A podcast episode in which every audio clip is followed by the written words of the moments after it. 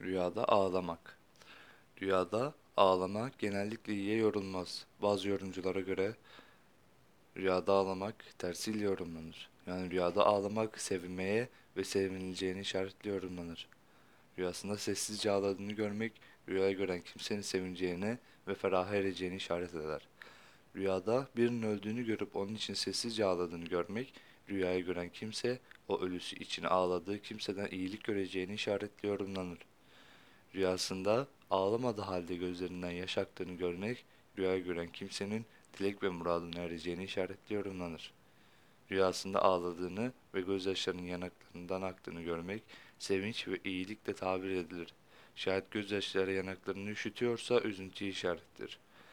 Rüyada Kur'an dinlediğini ve ağladığını görmek, sevinçle ve kederlerden kurtuluşla yorumlanır.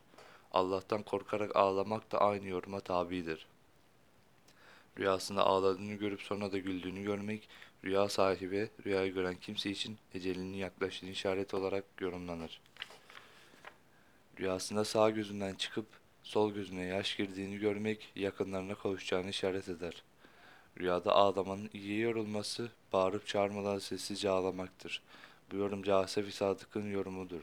Bunun binden fazla denendiğini ve hep hayır ve iyilikle karşılaştığını söylemektedir.